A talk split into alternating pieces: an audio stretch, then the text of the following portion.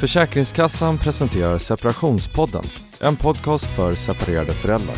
I den här serien tar vi upp vad som händer efter en separation och hur föräldrar kan få vardagen att fungera igen. Diskussioner och åsikter från gäster som inte representerar Försäkringskassan är deltagarnas egna. Varmt välkomna!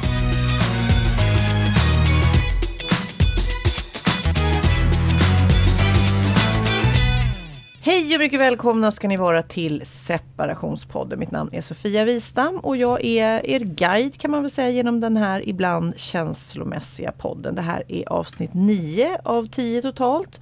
Och har ni inte hört de tidigare avsnitten så tycker jag verkligen att ni ska göra det. För i varje avsnitt har vi lite olika historier och perspektiv från en skilsmässas, eh, separations, ofta snåriga resa.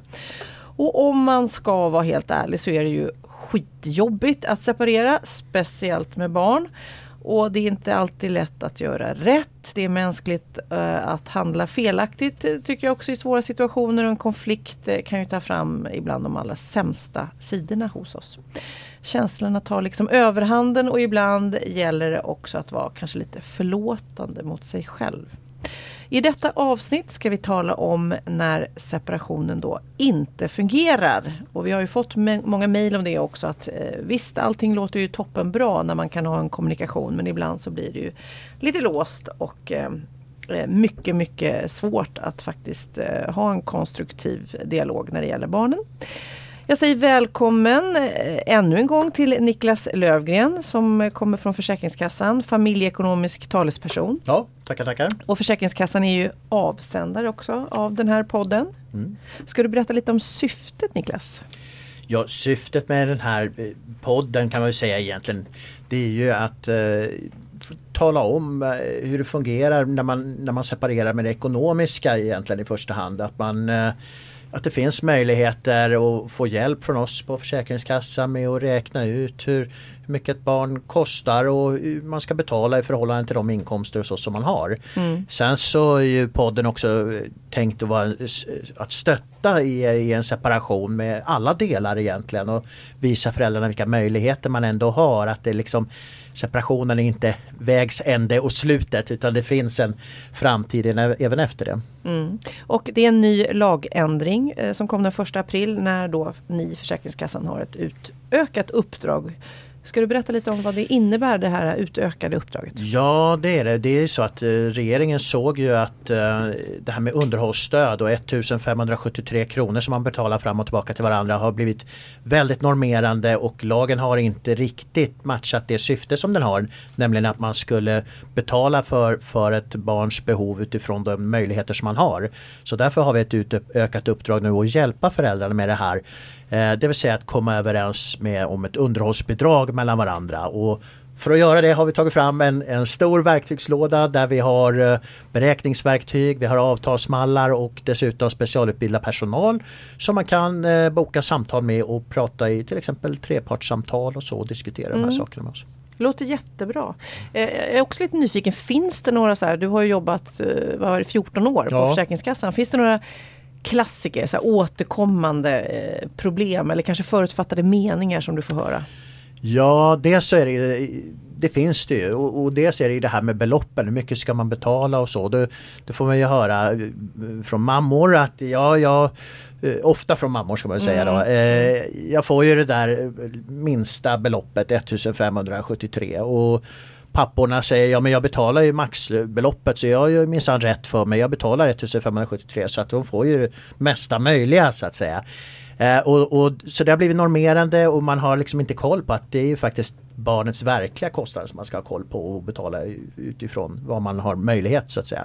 Sen finns det ju massor när, när, när eh, när eh, separationen blir, om den blir väldigt infekterad så att säga. Så det vi hör då är ju att uh, umgänget med barnen är någonting som kanske kvinnorna tar till. Att eller, han får inte träffa barnen så mycket och han kanske slår tillbaka med att uh, inte vilja betala och så är, är cirkusen i full gång så att säga.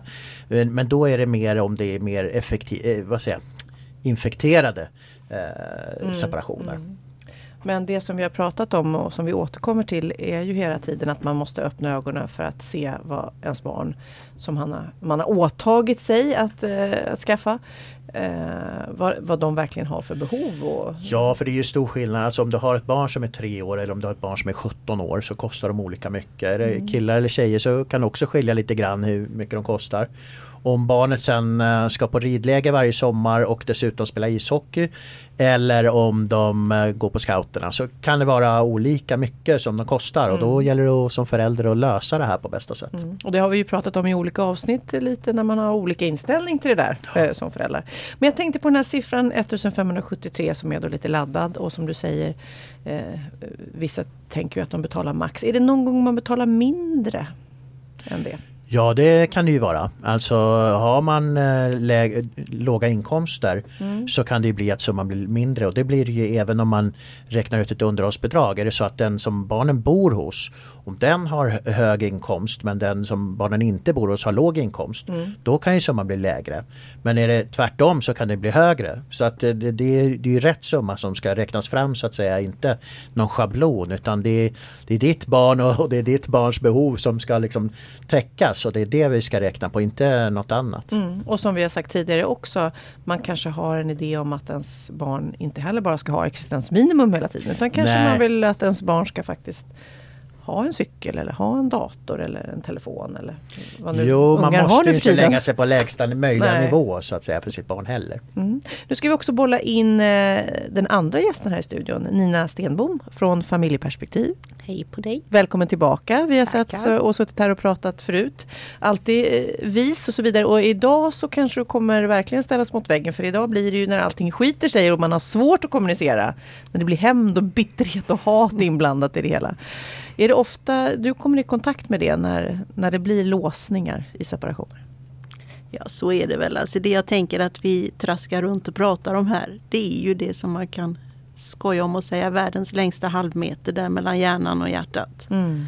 Eh, det är inte lätt. Det är känslor och det är eh, många beslut att ta. Mycket som ska bestämmas under en period i livet när det är väldigt rörigt, både känslomässigt och praktiskt kanske. Så ja, de jag träffar i mitt jobb eh, de kommer ju till oss på familjeperspektiv för att de har svårt att lösa det över köksbordet eller vad man nu vill sätta sig och prata annars. Där, det, där de inser att de behöver lösa de här frågorna men de klarar inte ut det på tu man hand.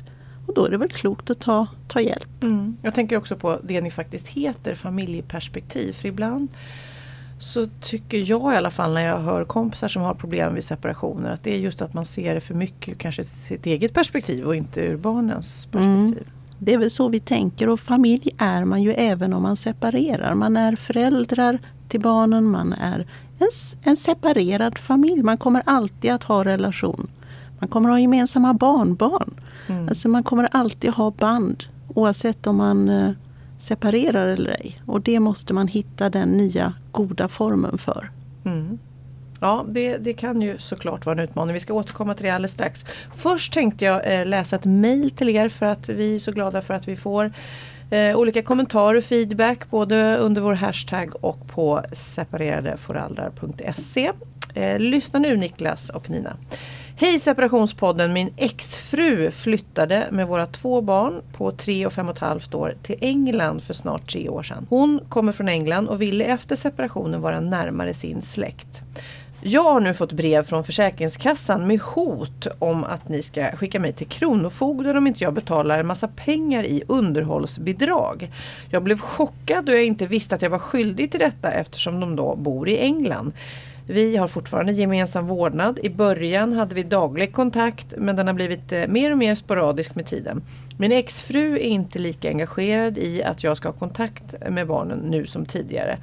Hon, har hon någon skyldighet att bistå mig i kontakten med mina barn? Tacksam för svar med vänliga hälsningar. Erik Oj, det var många frågor. Ska vi dela upp det lite grann? Jag tänkte, ska vi eh, kanske först eh, prata lite grann med dig Niklas. Det här med eh, att då Försäkringskassan hade, inom citationstecken ska jag lägga till, hotat med att skicka till Kronofogden. Ja, eh, vi, vi, vi, vill ju inte gärna se det som att vi hotar någon på, på så sätt utan Eh, det är självklart så att eh, även om barnen eh, bor i England eller om de bor någon annanstans så, så har barnen fortfarande eh, samma behov och, och, kostar fortfarande pengar så att säga. Och eh, han är, är, fortfarande förälder och han är fortfarande pappa till det här barnet fast han inte eh, bor i England själv. Så att han är, han är skyldig att, att, att försörja sitt barn fram till barnet är 18 år eller om barnet studerar så är det fram till 21 år. Så att det är så att eh, han måste betala det där. Ja men alltså det, för mig blir det lite konstigt nästan när jag läser det. Trodde han att han inte skulle betala någonting?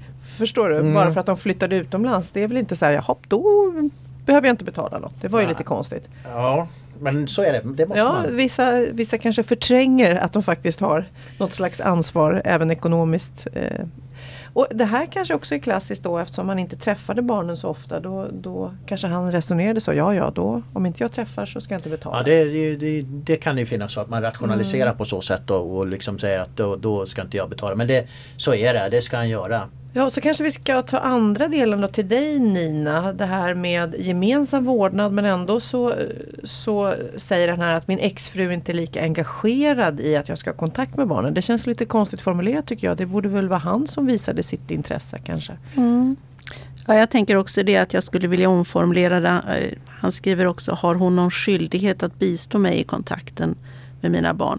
Jag skulle kanske vilja vända på det och säga vad har hon för skyldigheter mot sina barn? Eh, för mm. det är ju kanske lite mer att tänka vad, att barnen mår gott av att ha en kontakt med både mamma och pappa. Så, så jag skulle ju hellre vilja ha det perspektivet. Att om mamma kan hjälpa barnen att ha kontakt med pappa så gör hon något gott för sina barn. Ja. Eh, ja.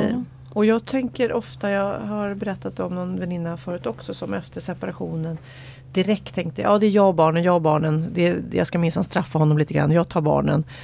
Och sen så då satt hon nästan bara knut på hela sitt liv. Du vet, mm. För att vara ensamstående med två små barn och inte ha en dialog med pappan. Då, då blev det jobbigare för henne och barnen än vad hon alls hade behövt att ha det. Mm. Men, men det är ju den här eh, stoltheten som ställer till det ibland. Ja, så kan det vara. Men eh, alltså, om man då tänker att eh, att Erik pratar här om, om vad, att förut har det fungerat bättre. Så tänker jag att eh, han har uppenbarligen haft en kontakt. Det är ganska små barn. Eh, vi brukar ju ofta säga så att med små barn så behöver man vara ganska konkret i kontakten. Små barn tycker inte det är jättekul att prata i telefon alltid och kanske inte när, när en vuxen bestämmer tiden. Men, men att tänka på att eh, små barn gillar kanske bättre när det är bild, kanske är roligare att skypa med pappa än att prata i telefon. Eh, man kan eh, skicka bilder, man kan ha en gemensam dagbok som båda föräldrarna kan skriva i. Eh, pappa kanske får tänka på att det handlar inte bara om när, när han kan ha barnen hos sig i Sverige utan att han kanske kan åka till dem och ta del av deras vardag. Besöka på skolan eller förskolan var barnen befinner sig på dagarna. Så att han också får en, en liten bild in i deras liv. Då blir det ofta lättare att ha kontakt på telefon eller Skype sen. Mm. Prata om kompisarna på, på förskolan eller vad sa fröken i skolan idag. Och att att man också som barn får visa pappa, så här har vi det. Jag tänker också spontant här om en partner helt plötsligt säger nej men nu vill jag flytta till England eh, och ta barnen med mig. Det är ju ett väldigt stort beslut för det mm. blir ju såklart väldigt mycket bökigare att ha en daglig kontakt med mm. sina barn som man kanske önskar. Det är en väldigt stor förändring och, och det är ju det är ju som som vi ser här, barnen förlorar ju den dagliga kontakten med en förälder och samtidigt är det ett ganska vanligt fenomen att vid en separation så känner man behov av att vara nära sitt ursprung. Det är kanske där man kan få avlastning, det är där man kan få stöd. Eh, man kanske har kommit till Sverige för kärleken och när den inte längre håller en kvar så vill man tillbaks till där man har ett annat sammanhang. Så det är inte så ovanligt. Eller att man flyttar inom landet. Det känns ju som också i början när en sån här separation sker och en flyttar utomlands att det är viktigt att man kanske med en gång sätter någon slags form om hur eh, umgänget ska se ut. Så att det inte rinner ut i sanden. För man har ju också talat om att det blir mindre och mindre just eftersom det är ibland till och med tidsskillnader, att det blir bökigt och sen så rinner det ut i sanden den här relationen i värsta, värsta fall. Så den kan ju bli väldigt rätt... uttunnad. Ja. Alltså det blir lite torftigt till slut. Vad ska man prata om och man har inte mm. så mycket gemensamt. Så naturligtvis att hålla en tät och god kontakt alldeles från början, det är ju jätteviktigt. Och där kanske faktiskt mamman verkligen kan bidra. Att se till att ha lite disciplin på det här. Om nu har hon tagit de här barnen utomlands, men då kan hon ju verkligen se till att deras relation med Skype, telefonsamtal, besök, att det blir lite schemalagt nästan. Ja, och jag tror att det blir lättare för Erik att få mamma med på spåret om han inte talar i termer av hennes skyldighet mot honom utan ja. att hon ska göra det för, för barnens skull. För barnen mår bra av att ha kontakt med både mamma och pappa. Ja, det har du helt rätt i. Och ekonomiskt då, hur ska hon gå iväg, tillväga? Både mamman och pappan? Ja, här handlar det om att han, han måste börja betala underhåll till henne. Mm. Så är det. Jag tänker på det här, han har ju någonstans också godkänt flytten till England måste han ha gjort om de har gemensam vårdnad. Så att, uh, måste ha haft någon tanke i alla fall. Så, men mm. ja. Mm. Ja, vi, vi hoppas och håller tummarna för att allt går bra i det här fallet och att eh, du lyssnar Erik och eh, att du blev lite klokare av det här. Men eh, vill ni fortsätta att kommentera och kanske skicka in frågor till oss direkt så gå in på separationspodden at forsäkringskassan.se. Nu ska vi också säga hej och välkommen till Rickard som är våran gäst här i studion. Eh, välkommen! Hej! Hur känns Tack. det att sitta här? Uh, annorlunda. Ja, ja. ja det är lite Det är en liten ny upplevelse så det ja. är spännande. Det är första mm. poddinspelningen du är med på? Yes. Ja. Du är hitbjuden lite för att sätta ord på hur det kan bli och hur man kan tänka och vilka utmaningar man står inför när det inte fungerar i en separation. Och jag kan ju eh, säga också att vi får ju många sådana mejl. Eh, som jag sa tidigare att det är inte alltid så lätt och det är ibland frustration att den ena inte vill liksom, lösa problemen. Ska vi börja från början? Berätta, hur, hur många separationer och hur många barn är inblandade i det här? eh, man kan väl se, alltså tre separationer. Tre separationer? Ja, tre separationer. Eh, den första var ju rätt så länge sedan då, eh, när äldsta dottern var två år. Hon är 24 mm. snart. Hur länge var ni tillsammans? Vi var, vi var inte ihop så himla länge. Vi var ihop i fyra år. Mm. Så, och skilde oss, då, eller separerade när, när hon var två. Mm. och det var väl där var det väl så att, att det kanske var så att hon var inte riktigt redo att bli förälder. Och då var det ju inte så eh, lätt med, med det här att ta det ansvaret man faktiskt får som förälder. Mm. Så att där var det ju mycket, mycket tjafs kring det här med tider. Vem som skulle ha vilka Vem som dagar. Skulle ha vilka och dagar och sådär. Mm. Och hon jobbade på hotell Eh, gick på schema så att det var ju inte så himla lätt för henne heller att få ihop de där tiderna. Liksom. Eh, men men eh, jag försökte ju hävda då att det var dotterns rätt till bägge föräldrarna. Mm. Och inte så, alltså det hade ju faktiskt nästan varit lättare för mig att ha dottern heltid. Det hade varit mycket mindre tjafs, mycket mindre oro och energiåtgång. Mm och tankeverksamhet till hur ska, hur ska det här lösas. Liksom. Eh, så det, det hade varit, men eh, ja, det, blev, det blev så illa så vi fick ta och prata genom advokater faktiskt. Ja, men, att, men sen, sen måste jag ju faktiskt säga att hon har ju varit en skitbra morsa sen. Mm. Alltså, eh, hon var nog bättre tonårsförälder än vad jag var. Men kanske också relationen med barnet är en grej och relationen med dig är en grej såklart. Så även om ni bråkar så kan hon ju ha varit en bra förälder. Eller? Ja, nej men alltså hon, hon, var inte, hon var inte en dålig förälder. Det är inte det jag säger. Men, mm. Utan det, hon var inte riktigt redo för det ansvar mm. som det innebar. Men vi var ju ändå jag var 26 och hon 25 när, när dottern kom. Mm. Så man var väl inte helt klar. Ja, så det var lite arg och sur och eh, konfliktseparation kan man ja, säga? Ja, det, det, kan man väl säga. Landade det på något vis sen eller hur, hur alltså slutade idag, allt? Idag är vi kompisar så idag Ja. kan vi umgås och, och ja, men, hon tar med sig sin kille och så går vi ut och käkar och tar ett par öl. Eh, åker och hälsar på dottern tillsammans som, som nu pluggar i London. Eller hon Mm. pluggar inte längre men hon bor där. Mm. Ja det är ju fantastiskt. Så det funkar jättebra idag. Men eh, om vi backar bandet lite grann och vägen dit då. Så att ni tog det till advokat och vad beslutades där? Vad hände där? Ja, vad hände där? Det är ju rätt länge sedan. Ehm, det blev ju aldrig så långt som till domstol eller så. Mm. Och vi hade ju hela tiden gemensam vårdnad. Så det var Eh, inte vårdnaden egentligen?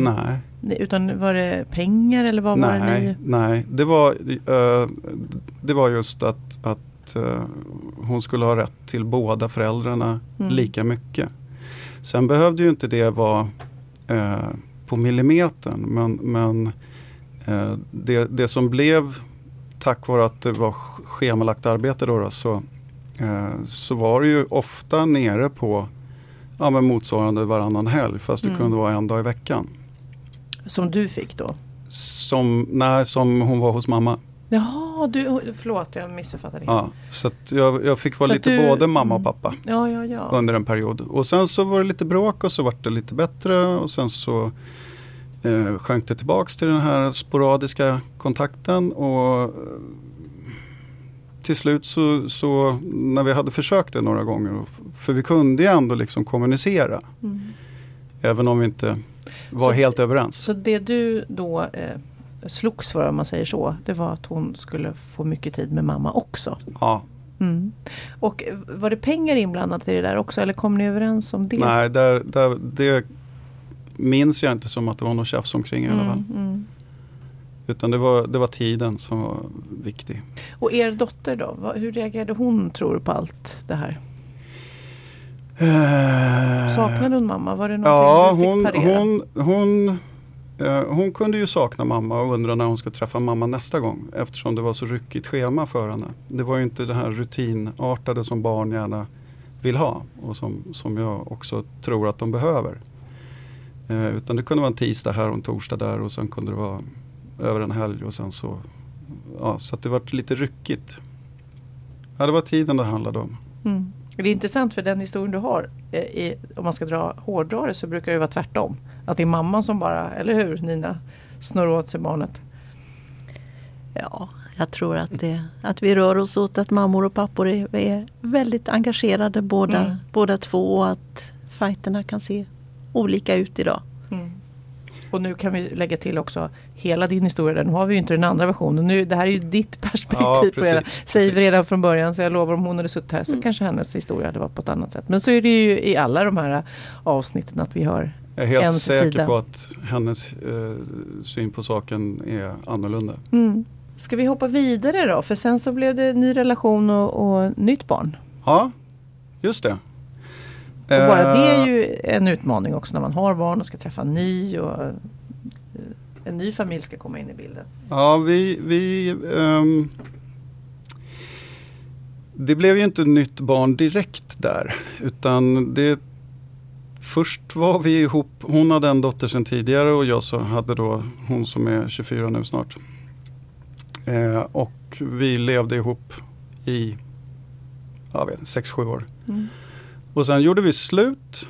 Och så levde vi isär i ja, 18 månader kanske, ett och ett halvt år någonstans, två kanske.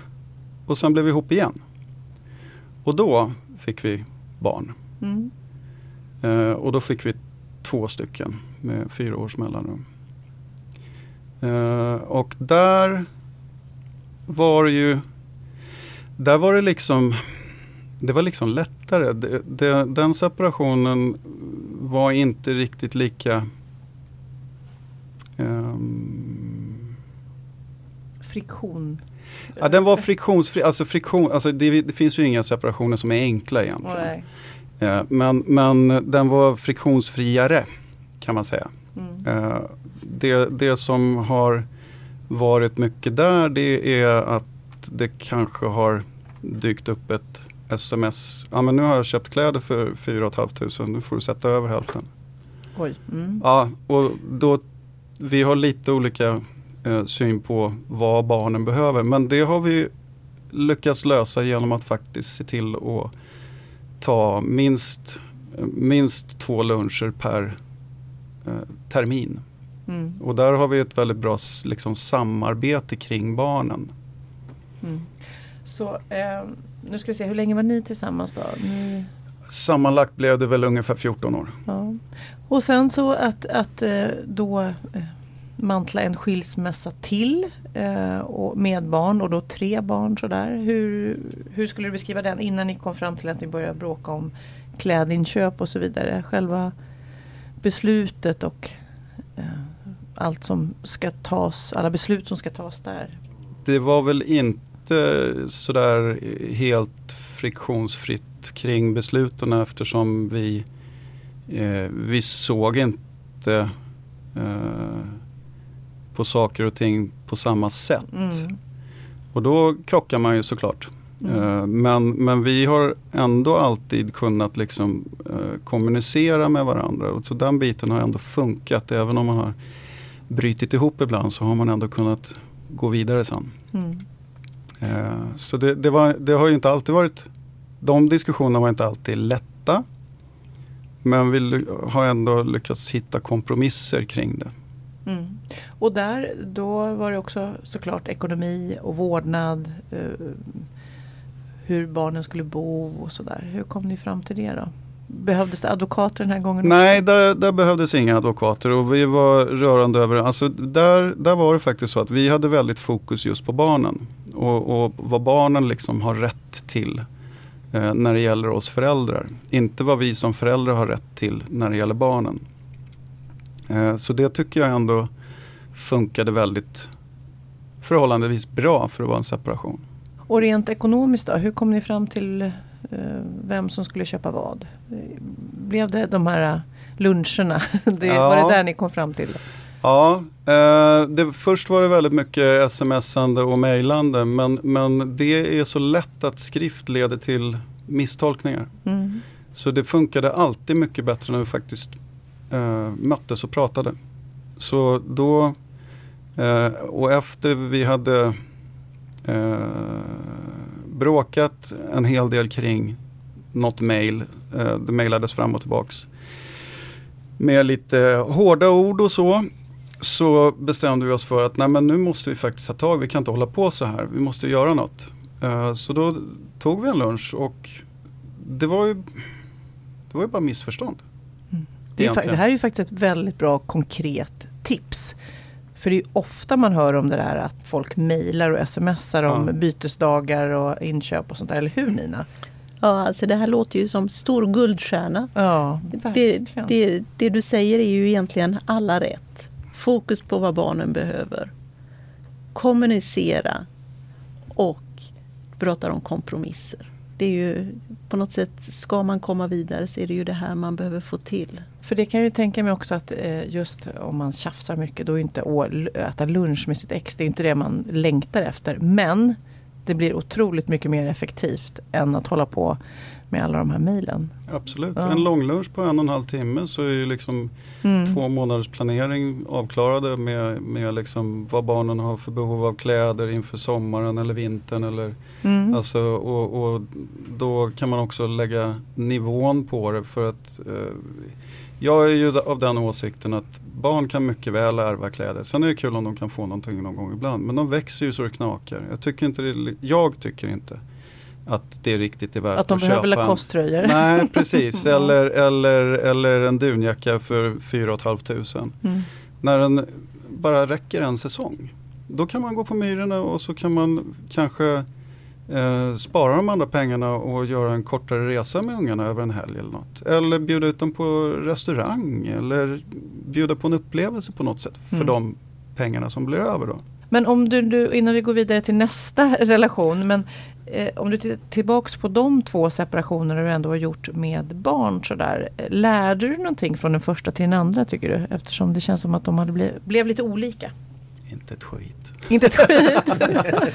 Nej men alltså jag, jag, det, det, man, eh, man har ju liksom ol, Även om det är en kärleksrelation så är det ju liksom olika relationer för det är olika personer som är Mm. Eh, så att jag vet inte riktigt hur mycket jag eh, lärde mig av den första som var lite jobbigare men sen blev jättebra och funkar, har funkat jättebra i väldigt många år. Eh, till den andra. Men det som jag tyck, tyckte då och tycker fortfarande det är just det här med att det är faktiskt inte mina behov som förälder utan det är barnens behov av båda föräldrarna och vad, vad, de, eh, vad de behöver som, som ska styra det hela. Eh, och det är ju jäkligt lätt att sitta och säga här. Men det är inte alltid så lätt när man är mitt i det här kaosartade känslomässiga tumultet där man kanske tycker att den andra borde fara och flyga någon annanstans. va? Mm. Och det här med lite det vi pratar om att komma överens eh, om pengar och eh, nivåer och sånt där. Eh, nu, nu finns det ju verktyg på Försäkringskassan. Är det någonting du önskar att du hade vetat om?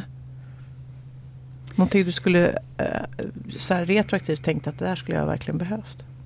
Mm, nej, alltså jag tror att vi eh, i alla fall i, nej, i, i, i båda separationerna så har vi faktiskt gått in på jag tror det var typ Råd och Rön som hade Mhm. vad, kostar en ton, vad kostar ett barn? Och utifrån det så tittade vi liksom på vad är rimligt? Ja men det är väl Så- lite samma att, eh, Ja. att jobba på samma sätt. Precis, det är Ja. ju det, är det som är tanken med de beräkningsverktygen som finns. Och de, de baseras ju på vad kostar barn i olika åldrar och tittar man på vad Konsumentverket har för medelvärden. Då för, Mm. Så att det är ungefär samma princip. Liksom, så att det, och jag håller med, jag tycker också det var jättebra sagt här, alltså att man pratar med varandra istället för att hålla på och mejlar och smsar. Och så här. Jag tror inte heller på det faktiskt. Nej. I kommunikation Nej, är mycket- bättre att prata. Alltså. Mycket vettigt. Överhuvudtaget så har vi en tendens att tro att vi kan läsa mellan raderna och vi kan Ja. tankeläsa varandra när vi tittar Ja. på varandra. Det finns ju Skriver det väldigt där men dåligt. jag vet vad han Ja, tänker egentligen. Ja, och det finns ju väldigt lite stöd för att vi är så bra på att läsa mellan rader och tankeläsa. Utan det är nog bättre att hålla sig till vad, vad säger du, vad menar du, ställa raka frågor. Ska vi gå vidare till nästa då? För du gick in i en ny relation eh, med tre barn i bagaget. Ja, eh, varav två då var hemmavarande. Eh, så det gjorde jag. Och hon hade också tre barn. Eh, varav en var hemmavarande. Mm. Eh, Så det var vi- ni två vuxna och tre barn. Ja, Mm. Och sen så kom de lite äldre kom ju på besök till och från sådär Mm. såklart. Och det funkade bra under den tiden ni var tillsammans eller? Ja. ehm, det, det, det var lite grann som att ju närmare vi kom varandra desto bråkigare blev det. Ehm, och till slut så, så tyckte inte jag att det höll helt enkelt. Mm. Eh, eh, hon blev fysisk mot mig så att jag fick barrikadera mig i barnens rum. Helt enkelt. Och det var ju inte så kul. Tyckte jag. Eh, och när det hade...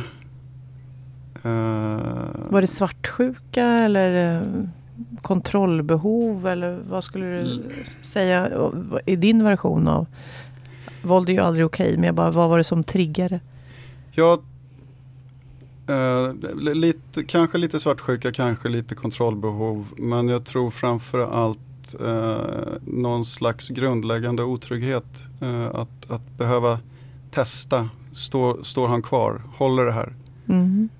Och eh, behöver man testa hårdare och hårdare så kommer det ju att spricka till slut. Liksom. Och det gjorde det för oss.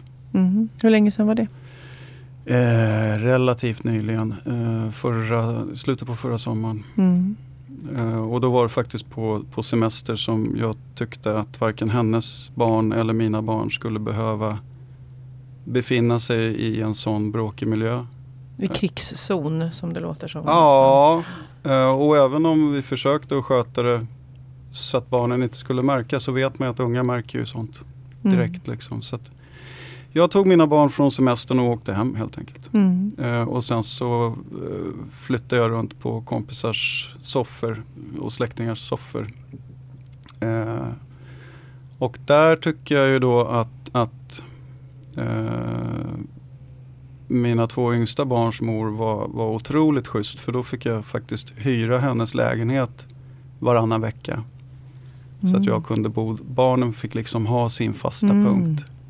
Och så fick vi föräldrar flytta ut för hon, hon eh,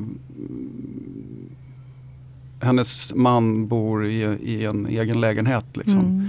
Så då kunde hon vara där de veckorna som jag skulle vara med barnen. Det lät väl otroligt moget och bra för barnen. Ja. Väldigt barnfokus igen. Jättefint att höra. Hur eh, tror du att barnen uppfattade alltihop?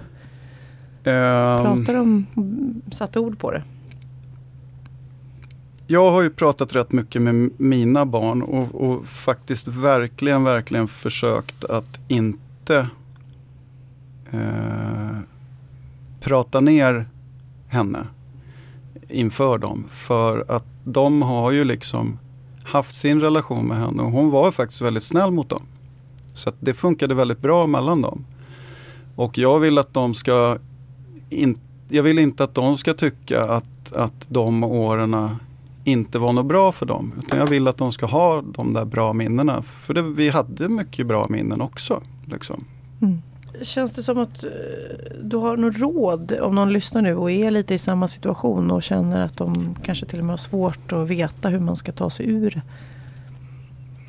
I, du menar En den riktigt senaste, dålig relation, riktigt dålig relation. Mm. Alltså, jag, jag vet att, att vår syn på det här, eh, den skilsmässan eh, skiljer sig väldigt, väldigt mycket.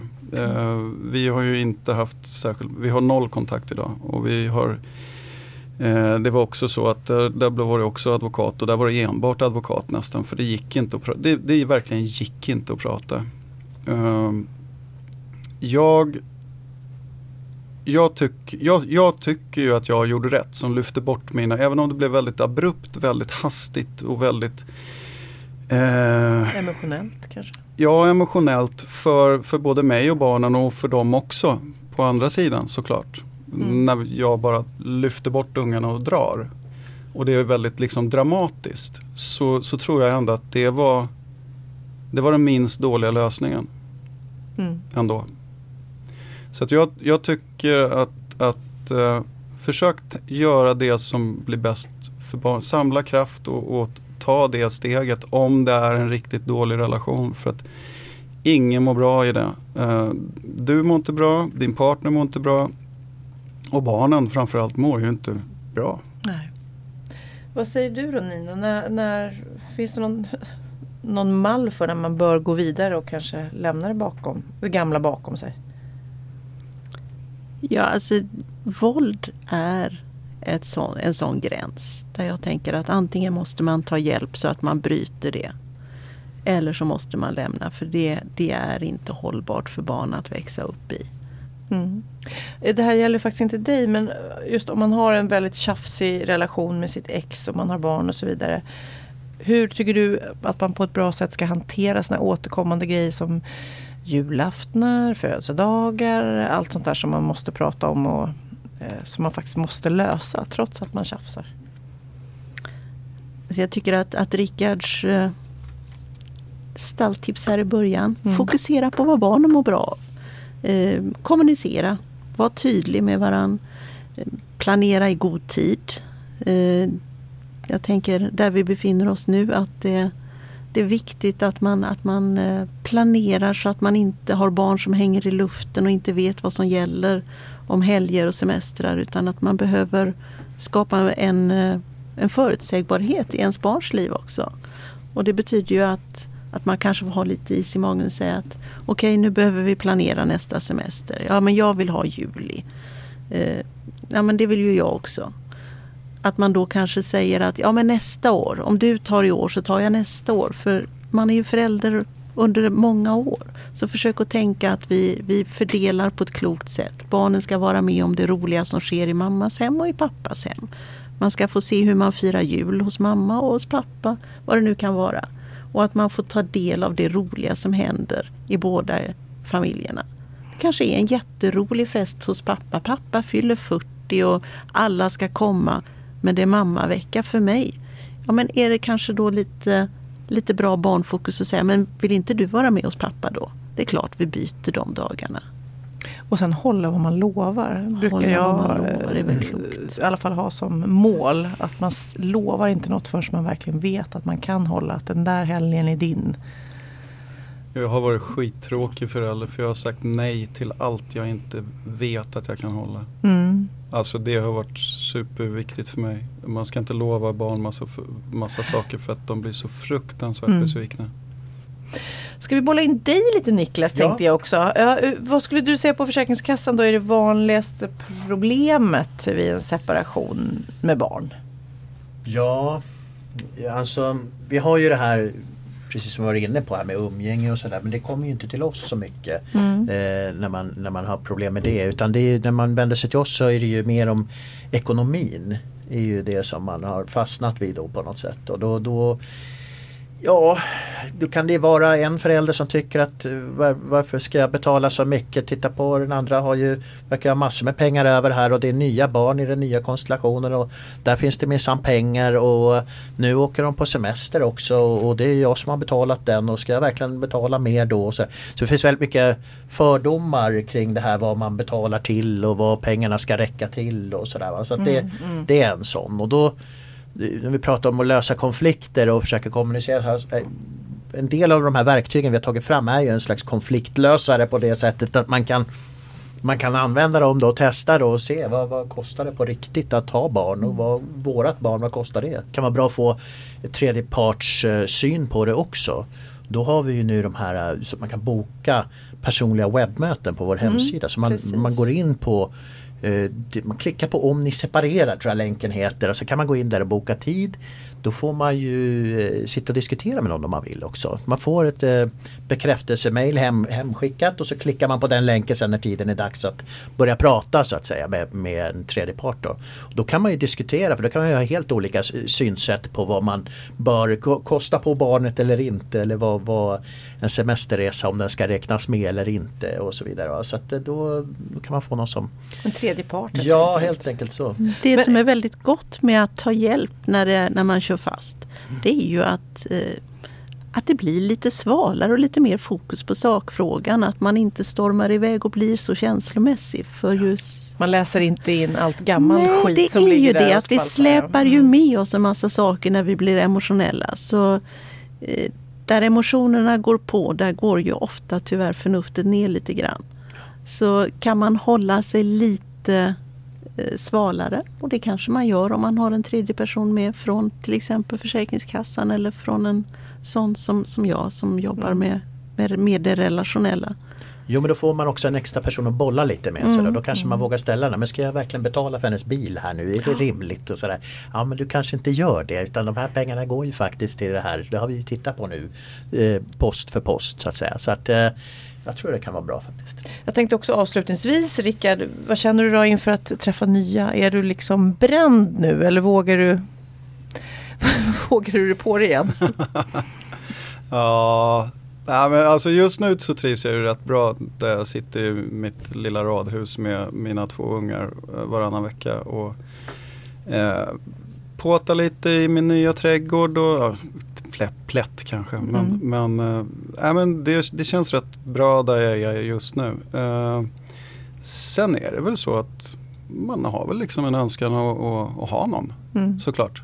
Men du Eh, har lärt dig lite av dina resor nu? Ja, eh, framförallt så känns det som att jag känner att jag vill verkligen inte ha bråttom in, in i någon ny, ny relation.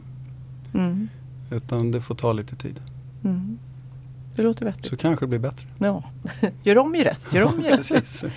Hörrni mina vänner, vad har vi lärt oss av det här? Ja, jag i alla fall har tagit med mig att det är bättre att faktiskt mötas öga mot öga och prata igenom saker istället för att kanske missuppfatta eh, mejl och ord som, och läsa mellan raderna och allt vad det är. Det tycker jag var ett väldigt bra eh, Gärna på någon slags offentlig plats också. Så att Ja. man har lite dämpande eh, omgivning. För det Ja, kan ju precis. bli lite tjafsigt om man ses hemma hos någon över Ja. en kaffe. Liksom. Mm, ja, precis. Och som sagt var också att inte tveka att gå in och kolla lite grann på Försäkringskassans eh, hemsida och se där vad man kan hitta. Om man bara har lite funderingar på vad man står inför. Sådär. Ja precis, jag tycker det är jättebra också att det pekar ut där att man inte Oavsett om det har varit du eller en f- före detta så att säga inte upphör att vara förälder trots att eh, man har separerat. Och det är en jättebra lärdom tycker jag också. Mm. I nästa avsnitt som är det tionde och sista i denna serie så ska vi prata eh, om lite relationen över tid. Vad som händer när det, när det har gått lite tid och man faktiskt har kanske släckt de värsta bränderna och så vidare och barnen växer upp. Eh, vill ni läsa mer eh, och lyssna på tidigare avsnitt så kan ni gå in på separadeforaldrar.se. Ni kan diskutera det här och dela med er under hashtaggen separationspodden.